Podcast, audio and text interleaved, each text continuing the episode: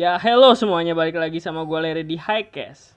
Kali ini gue ditemenin sama teman-teman gue ya. gue perkenalin sendiri apa langsung berkenalin masing-masing sendiri aja? Kenalin aja, kenalin, kenalin, boleh, boleh.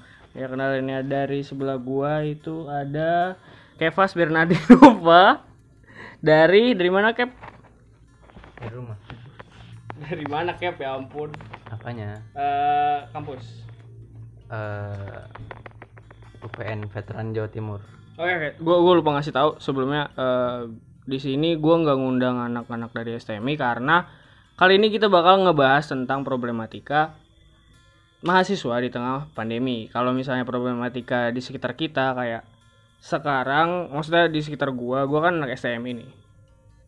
Gua anak STMI, jadi kalau misalnya gua nanya sama anak-anak STMI juga kayaknya ya problematikanya juga sama-sama aja kayaknya sama kayak gue. Jadi gue undang teman-teman gue dari kampus lain untuk nemenin gue di podcast kali ini.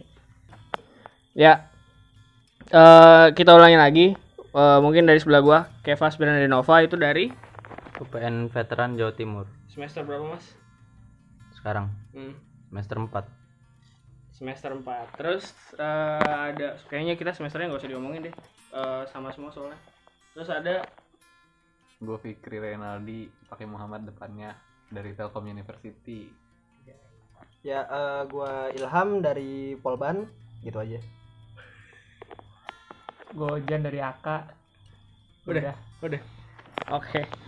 Ya itu perkenalan yang ya singkat. Oke.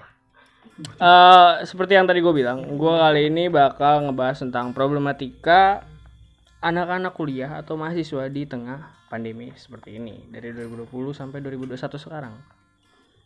Em eh gue bakal nanya dulu deh sebelumnya. eh ada nggak sih dari lu pada ekspektasi kira-kira bakal belajar di rumah sampai selama ini ada nggak sih ekspektasi lu untuk mikir kayak gitu atau di awal tuh lu mikir kayaknya ini cuma sebentar gitu gimana gue minta pendapat lu dong dari dari dari dari dari dari dari Ojan dari Ojan dari Ojan Eh, Kalau dari gua sih, gue dulu mikirnya ya paling cuma beberapa bulan. Soalnya waktu itu dapat pengumuman dari kampus juga sampai pertengahan 2020 lah. Kemungkinan kita bisa masuk lagi ternyata sampai sekarang ini sampai Februari 2021 malah terus online. Lagi pula kalau misalkan kampus gue sendiri kan kampusnya emang mahasiswanya tuh lebih ditekankan kepada praktek. Jadi kalau misalkan online terus ya ya nggak bisa praktek deh jadinya. Hmm, susah jadi praktek ya? Iya betul. Kalau dari Ilham gimana Ham? Kalau dari gua sendiri sih emang nggak nyangka kalau misalnya bakal selama ini. Soalnya kalau misalnya lama kayak gini juga ya gimana ya? Sama juga sih soalnya politeknik namanya juga harusnya lebih ditekankan kan ke praktek. Kalau misalnya kayak gini ya gimana? kalau misalnya mau belajar juga resiko kalau misalnya dari jauh jadi kayak gini. Susah juga. Hmm, ya nggak nyangka lah pokoknya kalau misalnya sampai selama ini. Berarti belum ada ekspektasi ya kalau misalnya bakal selama ini. Ekspektasi lu berarti ya. Ya ekspektasi gue cuma ya mungkin lah paling mentok ya enam bulan lah selesai ya ternyata sampai kayak gini Ya, terus kan berarti kan sekarang kan kita kayak tadi Ilham bilang kan, kayak sekarang kan kita make sistemnya tuh kayak work from home atau kuliah from home kan kalau sekarang kan. Em, pendapat lu soal kuliah from home ini kayak gimana? Seperti apa gitu? Mungkin cerita dari lu langsung. Boleh, Kevas? Dari lu dulu ya. Apa tadi pertanyaannya Pendapat lu tentang kuliah from home? Itu kayak gimana? kayak apa ya kurang nyaman aja sih belajar dari rumah online kayak gitu ke materi juga kurang masuk gitu lah tapi IP gue tinggi Anjay. Jadi bahagia atau enggak gitu? bahagianya soalnya ya apa ya rebahan di rumah enak kayak gitu. Cuma ya gak enaknya nggak bisa tatap muka langsung. Biasanya habis kelar kelas gitu kan pasti sama temen main ke warkop. Hmm. gitu sih. Lalu gimana, Mik? dari gua kalau materi ya jelas lah bakal lebih beda ya masuk apa enggaknya. Kalau kalau kuliah offline tuh pasti lebih masuk. Kalau online tuh kayak apa ya banyak kendala lah ada panggilan dari orang tua ada panggilan dari malaikat eh salah. Ada panggilan. Panggilan dari itu ajakan main tuh kan kalau main sama teman-teman rumah tuh pasti lebih gampang lah ya diajaknya. Lagi ada temen kayak yang tadi sebelumnya itu yang ngomong tuh. Tiap ajak main pasti gas. Terus apa sih kita bisa bebas banget gitu loh keluar masuk forum keluar masuk kelas tanpa ketau tanpa pengetahuan dosen jadi kayak kurang efektif aja sih kalau selama online ini plusnya kita lebih gampang nyontek minusnya kita lebih gampang nyontek juga bener kan jadi Iya, plusnya bener, kita bener. dapat nyontek IP tinggi minusnya kita bisa nyontek IP tinggi tapi kita nggak tahu apa-apa Iya, betul, betul. Betul, betul, betul. Setuju, betul, setuju. betul, betul banget. Jadi minusnya sama plusnya sama ya sebenarnya. Gimana Ham? Menurut lu Ham? kalau menurut gua sih kuliah dari rumah tuh ya ribet juga. Masalahnya yang belajar dari rumah tuh nggak cuma kita gitu loh. Misalnya kayak gua punya adik. Nah adik gua tuh jadi apa ya nanya terus ke gua gitu. Jadi gua lagi apa lagi belajar gitu. Tiba-tiba datang kak ini gimana? Kak ini gimana? Ya sebenarnya ngeganggu. Cuma ya gimana harus dibantu juga. Adik kita juga nggak lebih nggak ngerti malah daripada kita kan? Hmm, betul. terus eh, kadang juga lagi apa kalau kuliah di rumah gitu kan jadwal orang tua juga apa ya nggak ngerti jadwal kita tuh. Hmm. tiba-tiba kak tolong dong ini bantuin ini ngangkat galon atau apalah itu juga.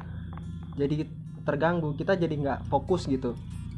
Terus juga kayak yang Fikri bilang tadi tuh apa lebih gampang apa kayak bolos gitu. Jujur sih teman-teman gue banyak banget tuh yang apa ya bolos gitu. Gue juga pernah sih apa kayak masuk doang gitu habis itu gue tidur. Ya gimana ya? Ya susah juga sih kalau kayak gini. Mau paham nggak paham ya udah tinggal aja tidur. Menurut gue sih gitu aja. Berarti pen- ba- banyak sih emang yang pengaruhnya itu dari rumah ya. Bener-bener kayak dari keluarga lu sekitar lu itu jadinya Ya, kayak lingkungan. mengganggu tapi ya emang seharusnya kayak gitu gitu kan. ya jadi ya lingkungannya jadi nggak kondusif lah Iya, buat nggak belajar gitu. Nih kita dari teman politeknik kita juga nih. Eh, kalau dari gue sih kurang lebih sama ya alasannya kayak tadi yang udah disebutin kayak misalkan jadi males lah belajarnya. Terus juga ada kendala dari orang tua disuruh-suruh gitu-gitu kan. Terus gue mau nambahin juga kalau misalkan ini tuh kalau menurut gue nih ya kuliah online tuh malah jadi nurunin semangat gue belajar. Hmm. kenapa? Karena dulu waktu awal-awal kuliah online tuh Ambil. kayak gue tuh masih ambis gitu. Anjay. kayak apa? Eh waktu awal kuliah tuh selalu nyalain kamera gitu terus pas semester 3 udah mulai matiin kamera. Nah sekarang nih udah semester 4 gue cuma login matiin kamera gue tinggal tidur. Itu parah banget emang. Saking kayak gimana ya? Udah capek gitu kuliah online. Mana apa? Cuma di rumah doang kan nggak ada hiburan. Terus juga materinya itu kan kalau di kampus gue tuh kayak ngebut banget gitu dijelasinnya kayak cuma sekilas terus tiba-tiba ujian gitu. Jadi kayak apa ya? Ya udah gitu kuliahnya cuma lewat doang. Jadi menurut gue nggak efektif. Dan juga ditambah kalau misalkan kuliah normal nih di kampus gue nih harusnya sekarang tuh udah full praktek. Sedangkan kan kalau misalkan lagi online gini nggak bisa kan praktek. Jadinya ya udah materi teo apa mata kuliah teori yang dari semester semester 4 5 itu dipindah semua ke semester sekarang. Jadi ya gitu sebenarnya ada beberapa mata kuliah tuh yang harus ngurut gitu. Hmm. kayak misalkan Mhm. di semester 3 tuh harus apa nanti di semester 4 itu sambungan dari semester 3 sedangkan kalau sekarang itu bener-bener dipadetin semua gitu loh materi kuliahnya. Jadi susah ngertinya soalnya nggak nggak ngurut kuliahnya tuh. Diloncat-loncat lah. Kalau plusnya sih ya sudah pasti contekan banyak pas ujian. IP kumlot kan. Uh cuma ya minusnya itu.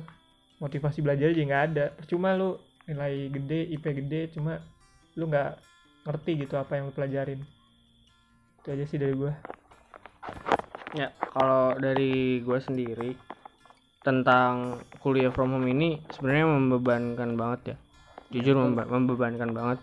Karena ada kalau di kampus gua, kalau di kampus gua itu ada tugas tambahan di mana di akhir semester. Gua nggak tahu sih sebelumnya em, semester 3 ke atas itu ada nggak sih sebenarnya tugas besar, tapi gua ngerasa tugas besar ini diadakan karena adanya eh, pandemi ini. Jadinya setiap satu semester itu di akhir nanti bakal ada tugas besar yang harus dikumpulin kayak misalnya waktu itu eh mata kuliah gua algoritma kalau nggak salah ya. Mata mata kuliah gua mata kuliah gua algoritma dan di situ tugas besarnya disuruh bikin aplikasi ya aplikasi SI tentang keuangan kalau nggak salah.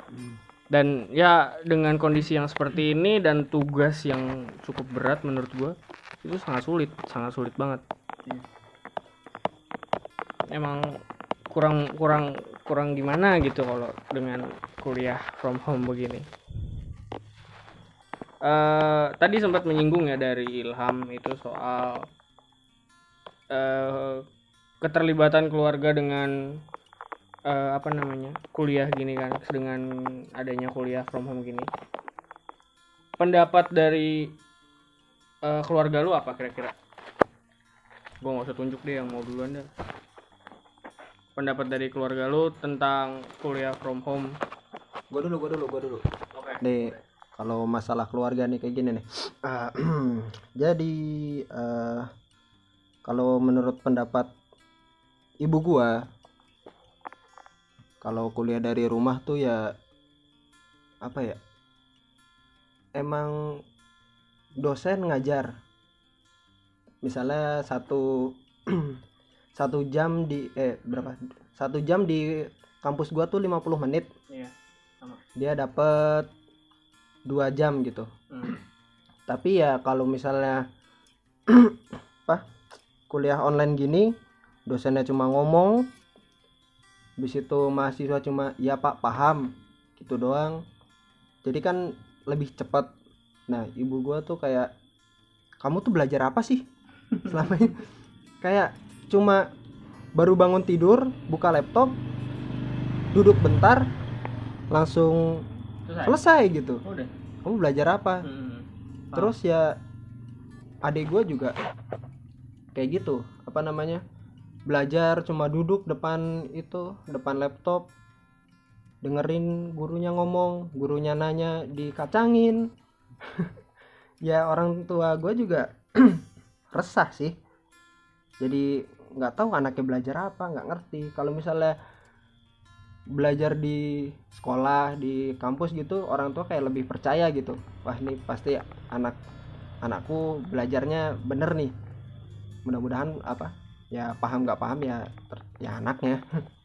Cuma ya kalau belajar di sekolah tuh orang tua jadi lebih apa ya lebih percaya gitu kalau anaknya tuh paham. Cuma kalau di rumah kita kayak belajar cuma dengerin gurunya gitu. Orang tua kayak karena orang tua mer- merhatiin juga kan berarti Iya orang tua merhatiin. Tuh kok belajarnya cuma gini doang? Anakku paham nggak? Gitu. Hmm. Hmm, hmm, hmm. gitu sih kalau menurut pandangan orang tua gue selama ini. Mungkin yang lain? Pendapatnya dapat keluarga ya? Hmm, pendapat keluarga lu gue broken home. Nggak bercanda. Ya nggak jauh beda sih sama yang di apa diomongin Ilham tadi.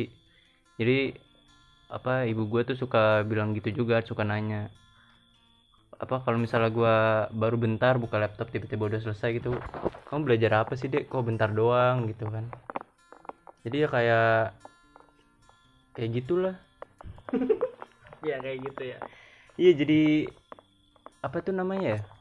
Ragu gitu loh kita kuliah bener apa enggak. Kan kalau gini juga materi juga masuknya kan nggak nggak sebagus kayak pas offline di kampus gitu. tapi orang tua lu seneng apa enggak gini ya seneng nggak seneng sih senengnya senengnya soalnya kan gue kuliahnya jauh Hmm. jadi ya orang tua gue ketemu gue Ah. gitu kan ya nggak senengnya ya paling ya gara-gara itu materi Hmm. itu sih nih pik kita mau ngomong Oh, dari gua kayaknya nggak ada. aman-aman aja Pik. Orang tua gua nggak jauh beda sama waktu sekolah, sama aja kayaknya. diem-diem aja Iya paling nanya apa sih? Kalau soalnya masalah tugas-tugas kayak gitu nggak pernah nanya ke orang tua juga, jadi ya orang tua percaya aja udah. Kalau buat bedanya dari online sama offline kayaknya ya pasti sih kalau kuliah jauh pasti lebih seneng kan kalau kitanya ada di rumah. Cuman kalau lagi jauh pasti kan kangen gitu loh. Setiap ketemu pasti itu. Cuman kalau waktu offline kayak waktu online kayak gini eh, apa sih orang tua ya masih paham lah kita ada kuliah jam segini terus dikasih waktu terus tapi kita juga punya kewajiban lagi buat ngajarin si ade eh, yang sekolah gitu loh jadi pendapat orang tua itu orang tua juga pasti capek banget sih ngajarin ade kan makanya mereka butuh bantuan kita.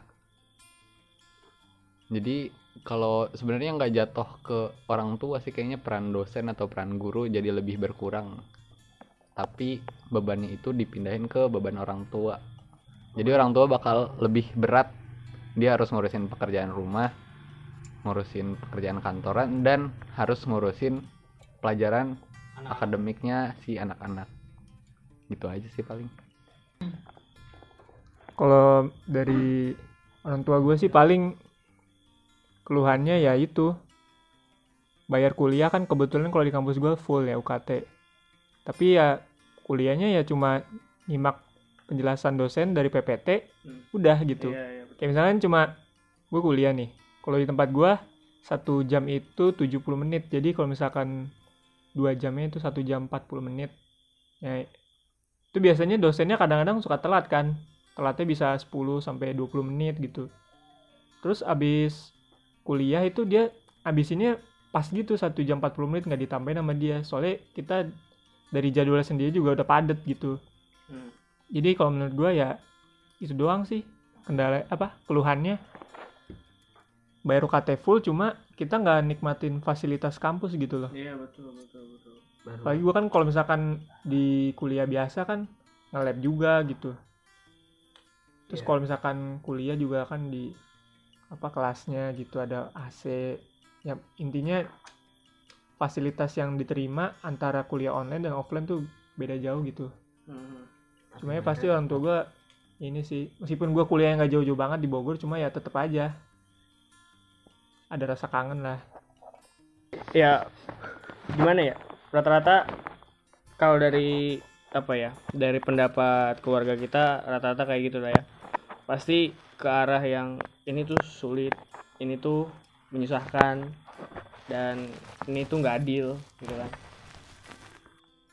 Terus tadi juga sempat disinggung kalau misalnya kuliah itu ini gue jelasin aja kalau yang ini eh, kalau misalnya kita lagi kuliah emang di awal waktu baru-baru em, kuliah di rumah waktu baru-baru kuliah di rumah itu kita emang kayak ambis gitu kan. Hmm, ada yang ambis ada yang enggak dari awal. Tapi lama kelamaan yang ambis itu juga capek dengan keambisannya jadinya harus ya betul. Nah, jadinya ada yang ketiduran. Ya kayak gua waktu itu di di mata kuliah SBP waktu itu gua ketiduran di akhir-akhir tuh tiga tiga tiga pertemuan terakhir tuh gua ketiduran asli. Ya ya. Mau gimana lagi gitu kan? Kalau soal tugas nih sekarang pasti punya tugas kan? Kan kayak tadi gue bilang kan gua tugasnya dibanyakin dengan adanya tugas besar. Ya betul banyak Kalau tugas tuh efektif gak sih dengan keadaan seperti ini dengan tugas yang sangat banyak? Kira-kira?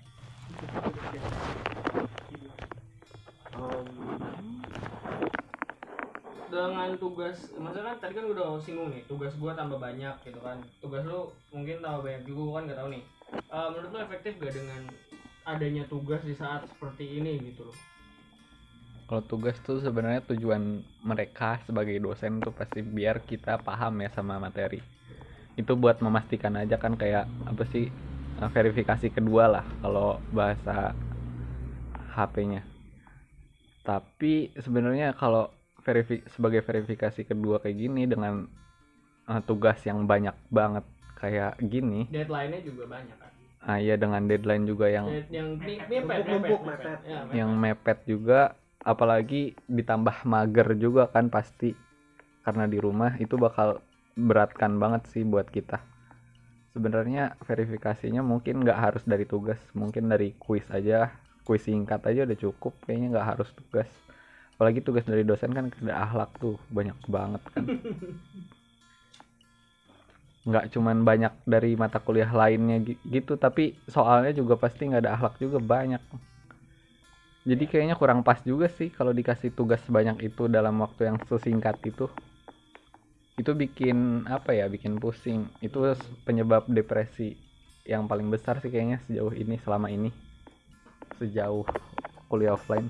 Hmm. Online. online maksudnya tipe-tipe. Itu sih paling dari gue itu. Kalau gua sendiri nih tugas. Jujur sih emang numpuk. Walaupun masih bisa dihandle selama ini cuma ya ya gimana lagi kalau nggak dihandle ya lu dapat nilai E. Tugas numpuk deadline-nya mepet-mepet. Setiap ketemu sama dosen pasti ada tugas gitu kan. ya tiap ketemu sama dosen tugas dosen. Ketemu dosen siang tugas lagi kumpulinnya besok. Kan gila. Oh, gue ada dosen baik tuh satu di hari Selasa waktu. Jadi kalau misalnya ngumpulin tuh, jadi kalau misalnya Selasa tuh waktu itu full tiga pelajaran, tiga mata pelajaran, tiga, Ah. tiga mata kuliah. Satu dikasih tugas, dua dikasih tugas, tiga untungnya baik. Jadi free. Jadi selama satu semester dia nggak ngasih tugas waktu itu. Enaknya kayak gitu sih. enak Ada banget satu kalau ada kayak dosen kayak gitu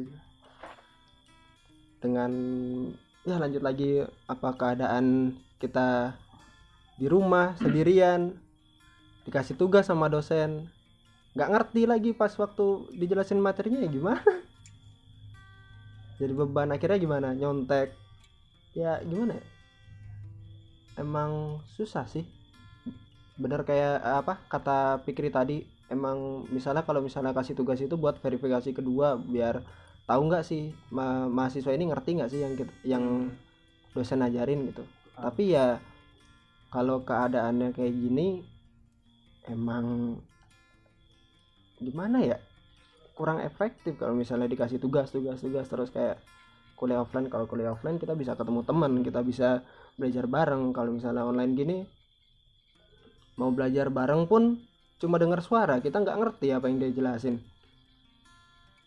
Jadi kan oke lah ada tugas tapi ya yang nggak semuanya juga terus tugas gitu kan. ya betul. Kalau misalnya mau tugas mungkin beberapa pertemuan sekali. Kalau misalnya mau satu pertemuan sekali ya tugasnya jangan yang terlalu membebani. Kayak misalnya baru ketemu kita praktek dan prakteknya online tiba-tiba suruh bikin laporan. Kan gimana ya? Berat juga. Gitu loh. Ya, paham, paham, paham.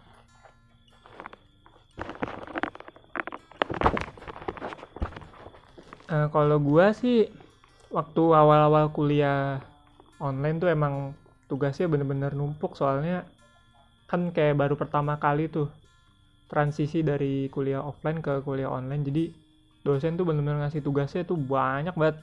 Sampai gua tuh pernah tuh ngerjain laporan atau iya laporan tuh dari pagi sampai malam full nulis berapa laporan ya itu ya dulu tuh waktu awal-awal. Pokoknya banyak banget. Itu tiga hari berturut-turut gua ngerjain dari pagi sampai malam tiga hari itu. Hmm. Nah kalau untuk sekarang berhubung eh, mata kuliah yang prakteknya kan nggak bisa di apa nggak bisa diadain jadi sisa mata kuliah teori doang jadi tugasnya sih lebih manusiawi sih menurut gua. Soalnya kalau di kampus gua tuh tugas yang nggak manusiawinya tuh justru dari laporan praktek Oh. iya. Itu tuh kalau laporan praktek kayak misalkan hari ini praktek. Nah itu deadline-nya itu bener-bener hari itu juga kayak misalkan kelar praktek siang. Nah itu harus kelar laporannya itu Malam ya? sorenya. Sore. Sorenya? sore. Sorenya iya sore. Jadi kayak cuma dua jam dua jam setengah lah. Laporan. laporan. Jadi kita tuh sebelum praktek kita bikin dulu tuh kayak apa eh, tujuan praktek terus cara kerja terus Oh, jadi pas sebelum prakteknya bikin Iya, gitu jadi kalau di kampus gua tuh sebelum praktek kayak bikin laporan sebelum lah gitu kalau dibilang anak kampus gua. Terus nanti habis praktek kan udah dapet nih data. Tinggal nah, kita isi. baru iya kita ngisi bikin apa? kayak tabel ada. perhitungan, pembahasan gitu-gitu. Kalau untuk sekarang ya justru gua malah bingung lihat teman-teman gue nih kok tugasnya kayak banyak banget. Sedangkan gua tuh tugas ada tugas cuma nggak sebanyak kayak teman-teman gua gitu kayak gue Lu ngeliat rasanya lu lebih santai daripada Iya, gua. gue lebih santai malah. Soalnya gue tuh kalau misalkan yang nggak santainya tuh justru kalau kuliahnya tuh kuliah biasa. Hmm. Kalau kuliah online gini karena prakteknya nggak ini jadi ya udah paling tugas-tugas teori karena emang di kampus gue kan lebih mengedepankan praktek jadi teorinya tuh sedikit otomatis ya tugas teorinya juga sih Maksudnya di di mengede- mene- mengedepankan praktek terus teorinya sedikit itu berarti di prakteknya nanti pas udah offline gitu kan? Iya. Nah, karena nggak memungkinkan jadi ya udah ini sekarang belajarnya teori terus jadi ya tugasnya ya ya lebih manusiawi lah di- dibanding waktu kemarin masih offline itu parah mhm. Benar benar. benar. gue begadang mulu ngerjain laprak ada juga sih yang lapraknya tuh deadline-nya dua hari apa sehari cuma itu lebih banyak lebih banyak lagi dibanding yang deadline-nya cuma dua jam gitu. Itu sih. Eh dari kalian berarti kan ada dari lu pada nih ya berarti kan ada tempat kayak misalkan dikasih tugas untuk apa gitu kan untuk sesuatu. Lu tuh ngumpulinnya di lewat kayak kalau di gua ada website khusus PJJ gitu lu ada PJJ-nya atau langsung ngumpulin ke dosen? Kalau di kampus gue karena mungkin baru pertama kali ya kayak gini ngadepin kuliah online jadi cuma pakai Google Classroom. Dikumpulinnya di Google Classroom? Iya. Oh iya kalau gue lihat di apa kampus-kampus lain kayak punya website sendiri gitu. Ah, sedangkan kalau di gua nggak ada. Simak gue tuh cuma buat apa kayak buat lihat nilai terus daftar ulang gitu-gitu doang. Sedangkan kalau buat pelajarannya rata-rata sih kalau di itu pakainya Google Classroom terus ada ada yang di grup WA gitu. Cuma kalau buat ngirim tugas biasanya di Google Classroom sih atau enggak langsung kirim email ke dosennya. Kalau di kampus gua ada ada khususnya namanya PJJ STMI itu buat ngumpulin tugas. Tapi beberapa dosen juga ada sih yang kayak dosen kemarin semester 3 tuh kemarin ada yang minta eh, kirim email tuh ada.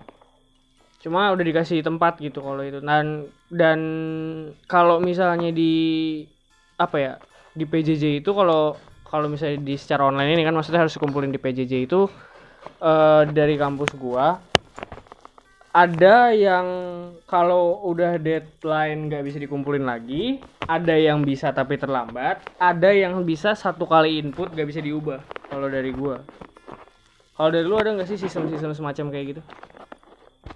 dari gua pengumpulan ya kalau pengumpulan sih ada websitenya buat e-learning gitu.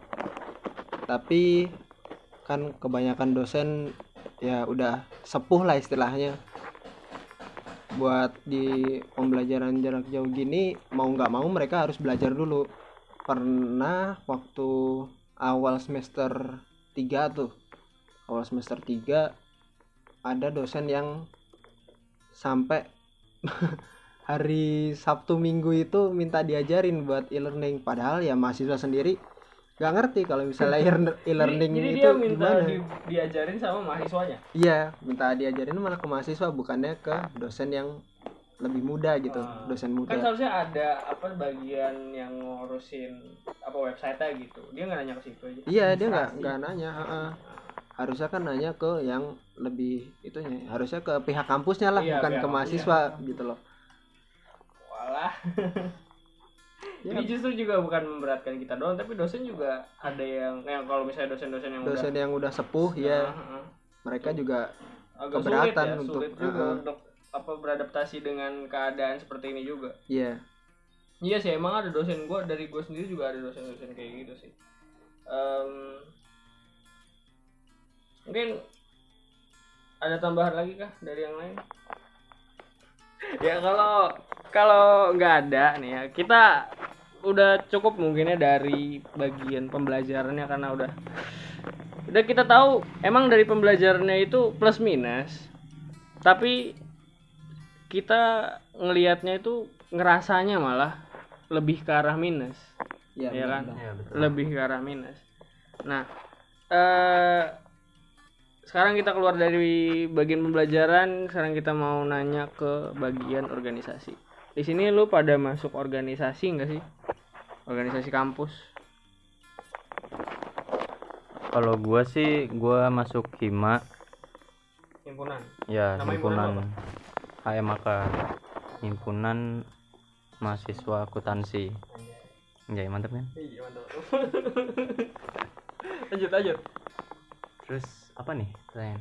Em, itu saat lagi kayak gini tuh himpunan lu geraknya gimana? Yang kalau lagi kayak gini ya Hmm. yang gerak tuh biasanya ya kalau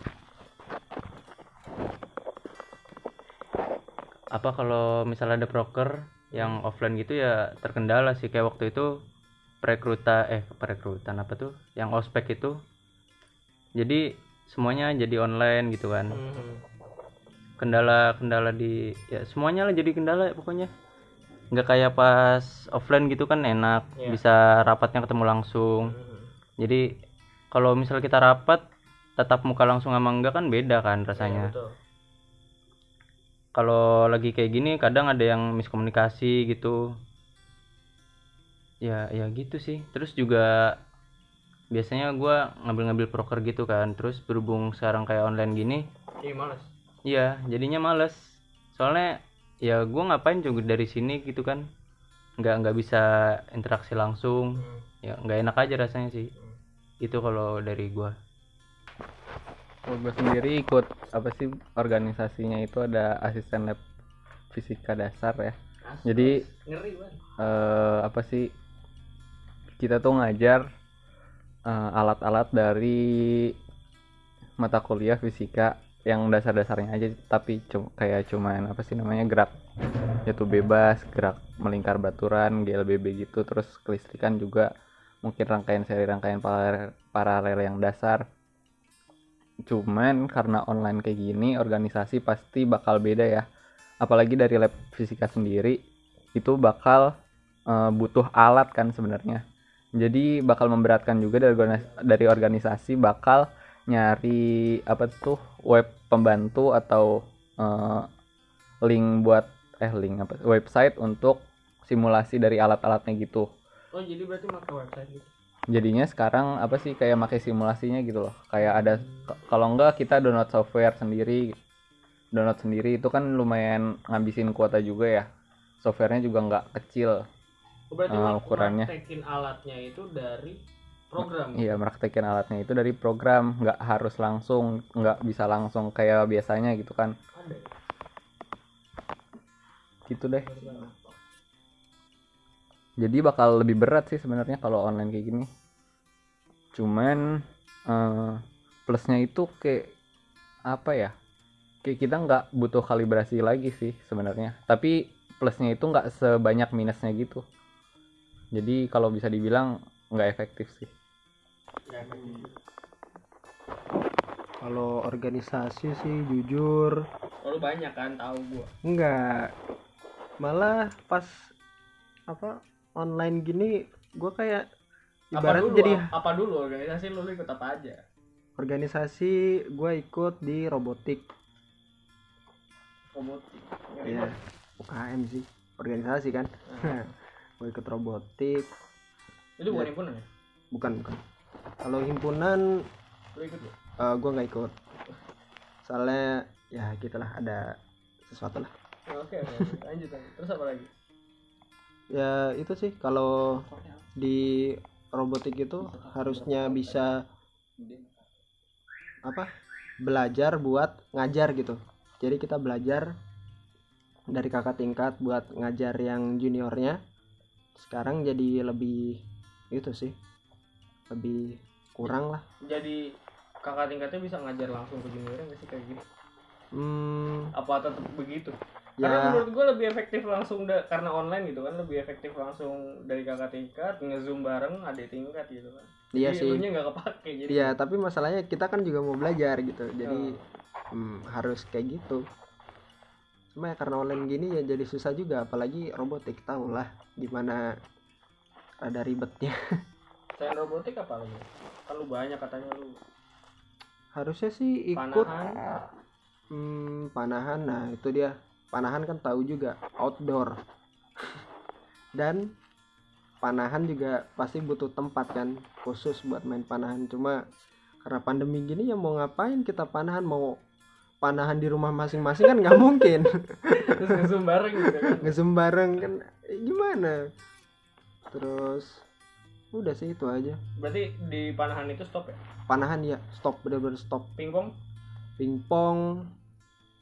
Gua waktu pandemi ini jadi nggak aktif serius.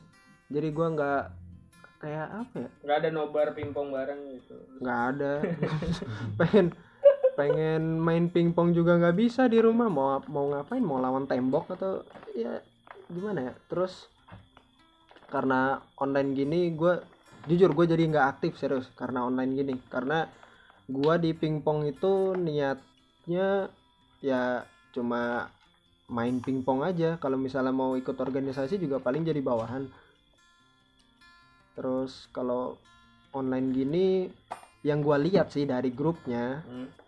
ya jadi kurang.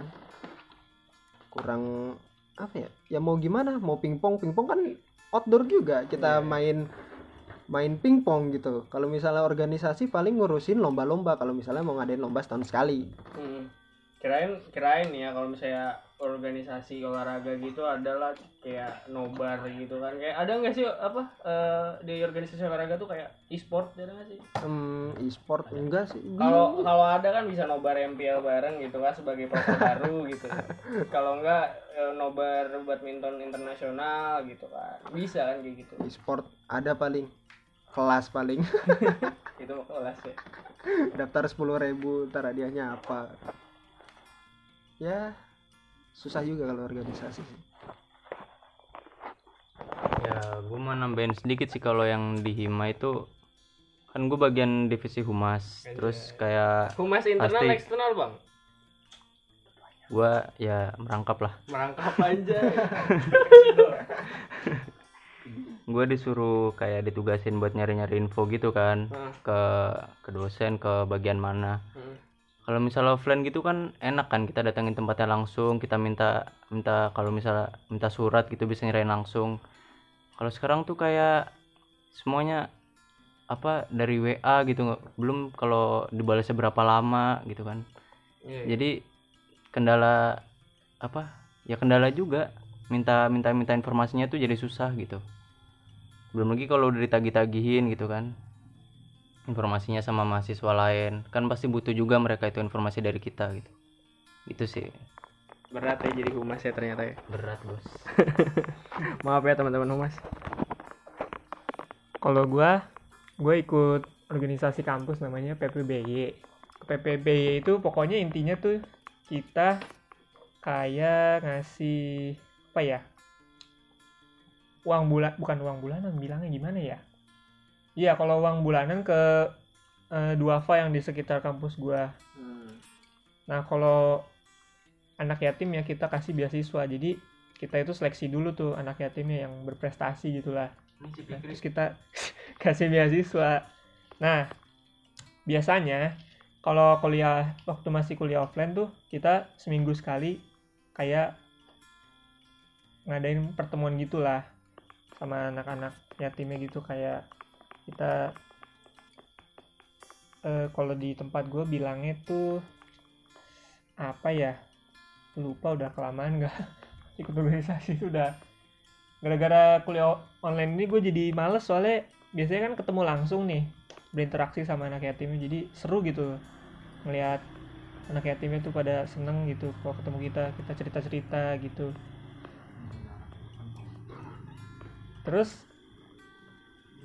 juga kalau kebetulan gue kan tidak eh kalau gue tuh masuknya divisi pembinaan. Nah pembinaan itu tuh yang bener-bener paling apa ya kayak gue tuh yang sebulan sekali datang ke rumahnya nanyain apa kondisinya gimana? Kondisi keuangan? Terus semangat belajar gitu gitulah pokoknya intinya aspek-aspek kehidupan itu yang gue bilangnya di itu tuh namanya adik asuh yang anak yatim kita kita Oh, kasih beasiswa tuh ada sebutan yang adik Iya, iya. Nah, sedangkan kalau kuliah online gini kan otomatis nggak bisa terlaksana dengan apa ya, dengan sempurna gitu. Jadi kalau mis- misalkan kalau ada proker nih, program kerja yang mengharuskan anggotanya datang, sedangkan kan anggota kita itu bukan dari orang Bogor aja, ada yang kayak gue kan misalkan orang Bekasi, ada yang bahkan sampai luar pulau, di Sumatera, di Kalimantan. Jadi susah kan kalau misalkan mau ke Bogor. Dan juga belum tentu diizinin sama orang tuanya kayak gua tuh. Nggak pernah diizinin. Soalnya takut juga sih. Di Bogor kan tau sendirilah kasus pertamanya dari Depok terus Bogor. Nah, kasus corona jadi gitu. Meskipun gua dulu waktu masih kuliah online eh waktu kuliah offline gua aktif sih. Setiap ada proker gua pasti ikut. Kalau ngumpul gua kadang ikut kadang enggak soalnya kadang-kadang gue capek kuliah. Sabtu Minggu tuh pengennya istirahat atau enggak balik ke Bekasi. Jadi ya gua kabur sih. Tapi sering tetap ini tetap aktif. Kalau sekarang gua udah jarang banget ikut ngumpulnya aja enggak kayak misalkan diskusi mau ada proker gitu kan biasanya kan ada pembagian panitia gitu-gitu gua udah nggak ikut udah. Udah males soalnya ya gimana ya eh apa rasa ngumpul secara online sama offline tuh beda banget. Kayak waktu misalkan gue masih offline tuh kalau ada proker gue ikut kan. Ngumpul-ngumpulnya persiapannya sampai acara hari H itu bener-bener meskipun capek tapi gue seneng gitu. Soalnya ngeliat adik-adik asuh gue tuh pada ketawa pada senyum-senyum apa seneng lah intinya mereka ada proker kayak gitu. Nah sedangkan kalau sekarang kan susah nih mau ngadain proker. Kemarin juga sebenarnya ada beberapa proker cuma kan nggak semuanya bisa datang gitu. Paling cuma ketua umum organisasi gua doang sama beberapa anak organisasi yang emang tinggalnya di Bogor jadi lebih apa ya ya kurang aja gitu kalau misalkan buat proker kurang maksimal. Ya ya gue juga masuk organisasi sih. Gue juga masuk organisasi dan ini yang podcast ini ini termasuk tugas gue di organisasi. Di mana kalau di organisasi itu gue oh ya gue itu masuk himpunan kampus gue Eh, nama himpunannya Himasis himpunan mahasiswa sistem informasi. Em, gua itu untuk proker kemarin tuh baru aja ngerjain ya proker. Ada proker. Nah prokernya itu namanya Twitter. Nah Twitter itu kayak enggak enggak gitu pak. Twitter Twitter itu kayak makrab makrab. Nah kayak apa sih tadi namanya? Kaderisasi ya. Kayak gitu. Ya menurut gua secara gitu kan eh acaranya berjalan dengan lancar acaranya berjalan dengan baik dan proker-prokernya proker-proker sebelumnya juga sebelum Twitter ini dan masih di jabatan gua maksudnya itu eh, berjalan dengan lumayan mulus tapi tetap aja hambatannya itu cukup besar di mana kita harus ngezoom dan banyak em, apa ya kalau ngezoom itu kan kayak nggak pasti gitu kan. Om kan kayak audiensnya itu tidak pasti ada di situ gitu. Itu kayak berat sih. Kendala sinyalnya juga. Kendala sinyal apalagi waktu itu gue onsite sama teman-teman gue di rumahnya Angel ya waktu itu.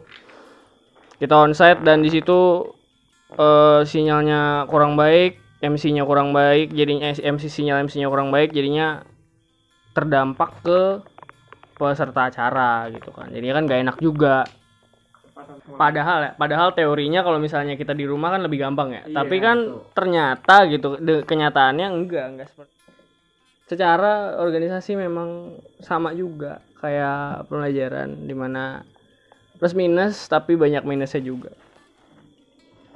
Eh tadi kita udah ngomongin beberapa plus dan minus dari sistem pembelajaran sekarang dan em, himpunan-himpunan himpunan-himpunan atau UKM-UKM yang kita ikutin itu kinerjanya kayak gimana. Sekarang dari semua ke minus-minus dan plus-plusan itu gue minta harapan lu semua buat mahasiswa-mahasiswa di luar sana Em, atau mungkin buat dosen kayak tadi Ilham gitu kan. Harapan lu untuk dapat melalui kuliah from home ini seperti apa dari kepas dulu Boy. nggak mau. Enggak mau. Udah dah. Harapan dari kuliah from home. Untuk nggak ada. dosen untuk mahasiswa? Oh paling itu sih tugas jangan terlalu banyak. Apalagi ya? Udah tugas doang yang pikir nah. Buat orang tua lebih mengerti. Anjay.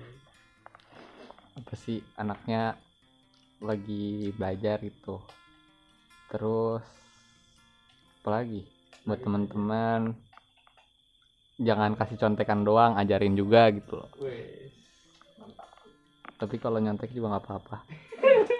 Lu udah bagus. lu udah bagus bagus loh terus? Susah udah. Udah bener daging apalagi ya?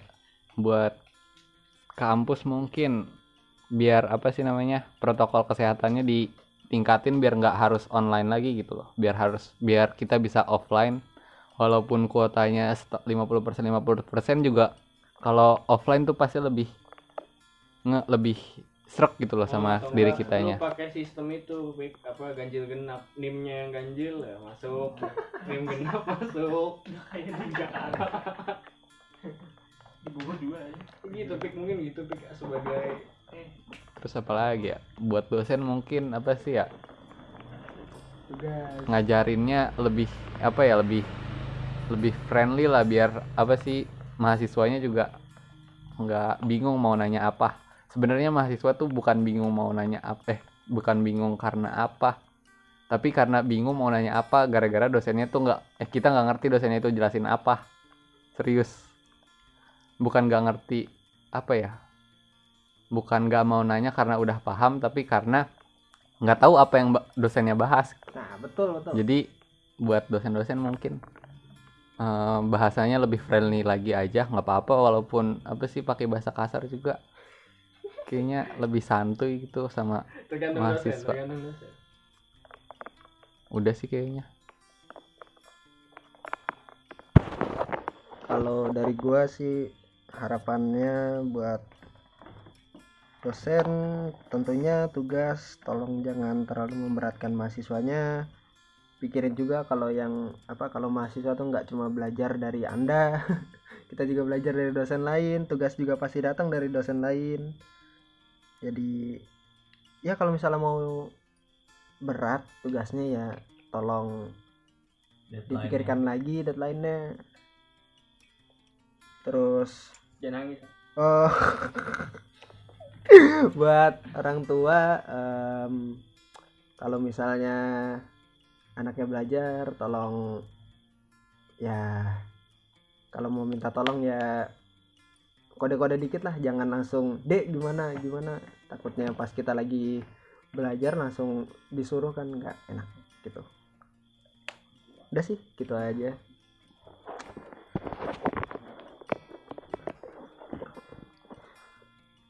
kalau dari gua harapannya sih ya paling dari sistem pengajaran dosennya sih sama kayak yang udah disinggung sebelumnya sama Fikri sama Ilham. Di mana kalau misalkan kuliah online kan ya gue juga paham lah.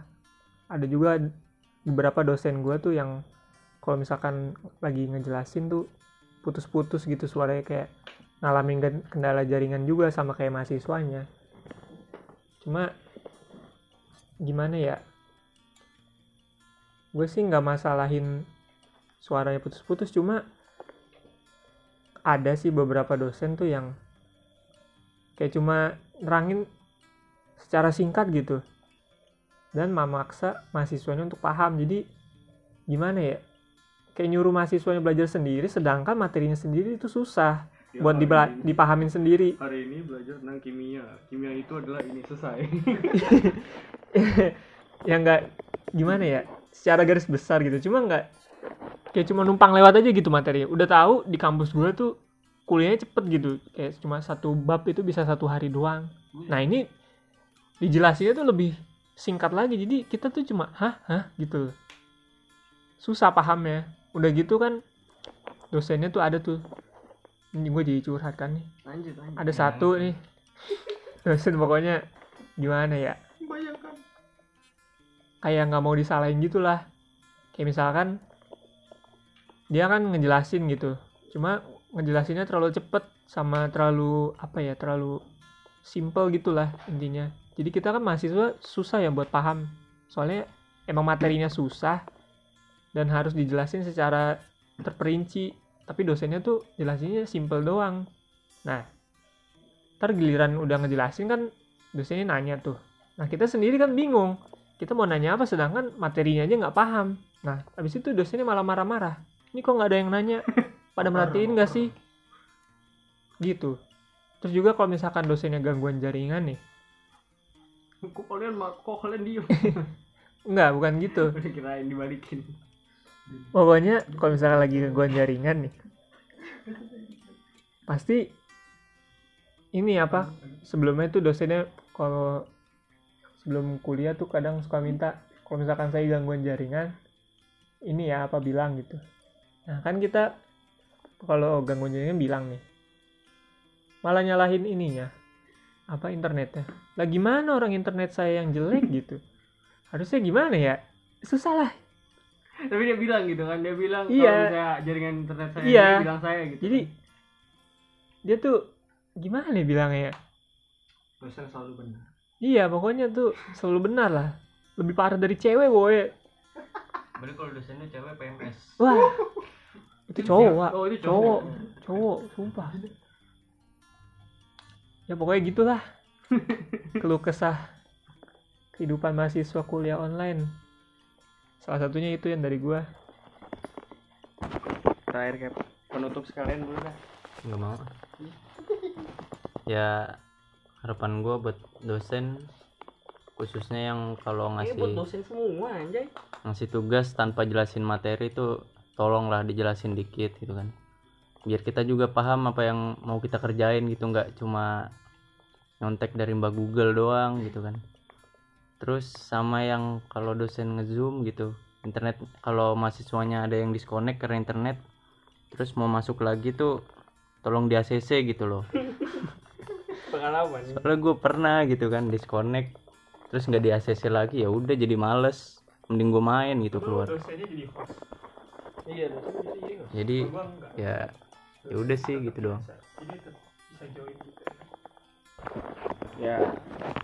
Tadi kan kita udah ngomongin soal dari maksudnya pendapat dari teman-teman gua tentang harapan mereka gitu kan. Kalau dari gua sendiri harapan gua untuk dosen mungkin sudah dijelaskan karena mereka semua ngomong tentang harapan untuk dosen gitu kan. Kalau untuk mahasiswa eh, untuk kalian semua mau gimana pun mau gimana pun kalian bilang mau sejelek apa pun sistem seperti ini mau seberat apa pun yang kalian lakuin ya kalian harus tetap bisa sih untuk menjalani ini. Karena gimana lagi gitu kan caranya. Bukan maksudnya untuk bukan bukan gue maksud gue bilang kayak gini bukan maksud gue pasrah karena emang yang telah diberikan oleh apa pemerintah dan kampus itu seperti ini gitu. Jadi jalan terbaiknya Iya. gini jalan terbaiknya tuh seperti ini. Jadi harapan gue untuk teman-teman mahasiswa semua yang dengerin podcast ini stay strong. Tetap bertahan sama apa yang sedang berjalan seperti ini dan pasti nanti ada waktunya kita bakal bisa offline lagi dan bisa ketemu lagi.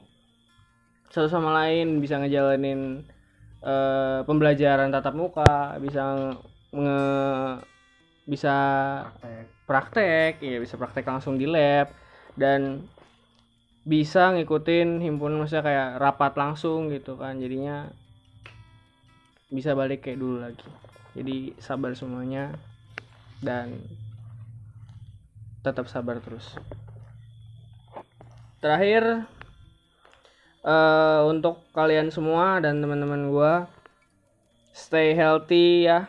Hmm, jangan keluar rumah sering-sering gitu kan. Ya kecuali ini teman-teman gue ini lagi karena gue lagi undang aja gitu kan. Sebenarnya kita tiap minggu diundang ke sini kok. Iya, iya, itu ada undangannya khusus kalau mereka. Eh kemudian eh semoga apa yang sekarang sudah terjadi itu bisa kembali pulih dan kita bisa seperti yang tadi gue bilang kita bisa kumpul lagi seperti biasanya. Amin. Amin. Ya. Mungkin sekian dari gua. Terima kasih semuanya teman-teman gue yang udah datang, udah mampir ke sini ikut bareng gua podcast, nemenin gua podcast tentang tema kita kali ini. Thank you buat Kepas, thank you banget Pikri, thank you banget Ilham, thank you banget Ojan. Nih lapar Itu ntar ya, ntar ya.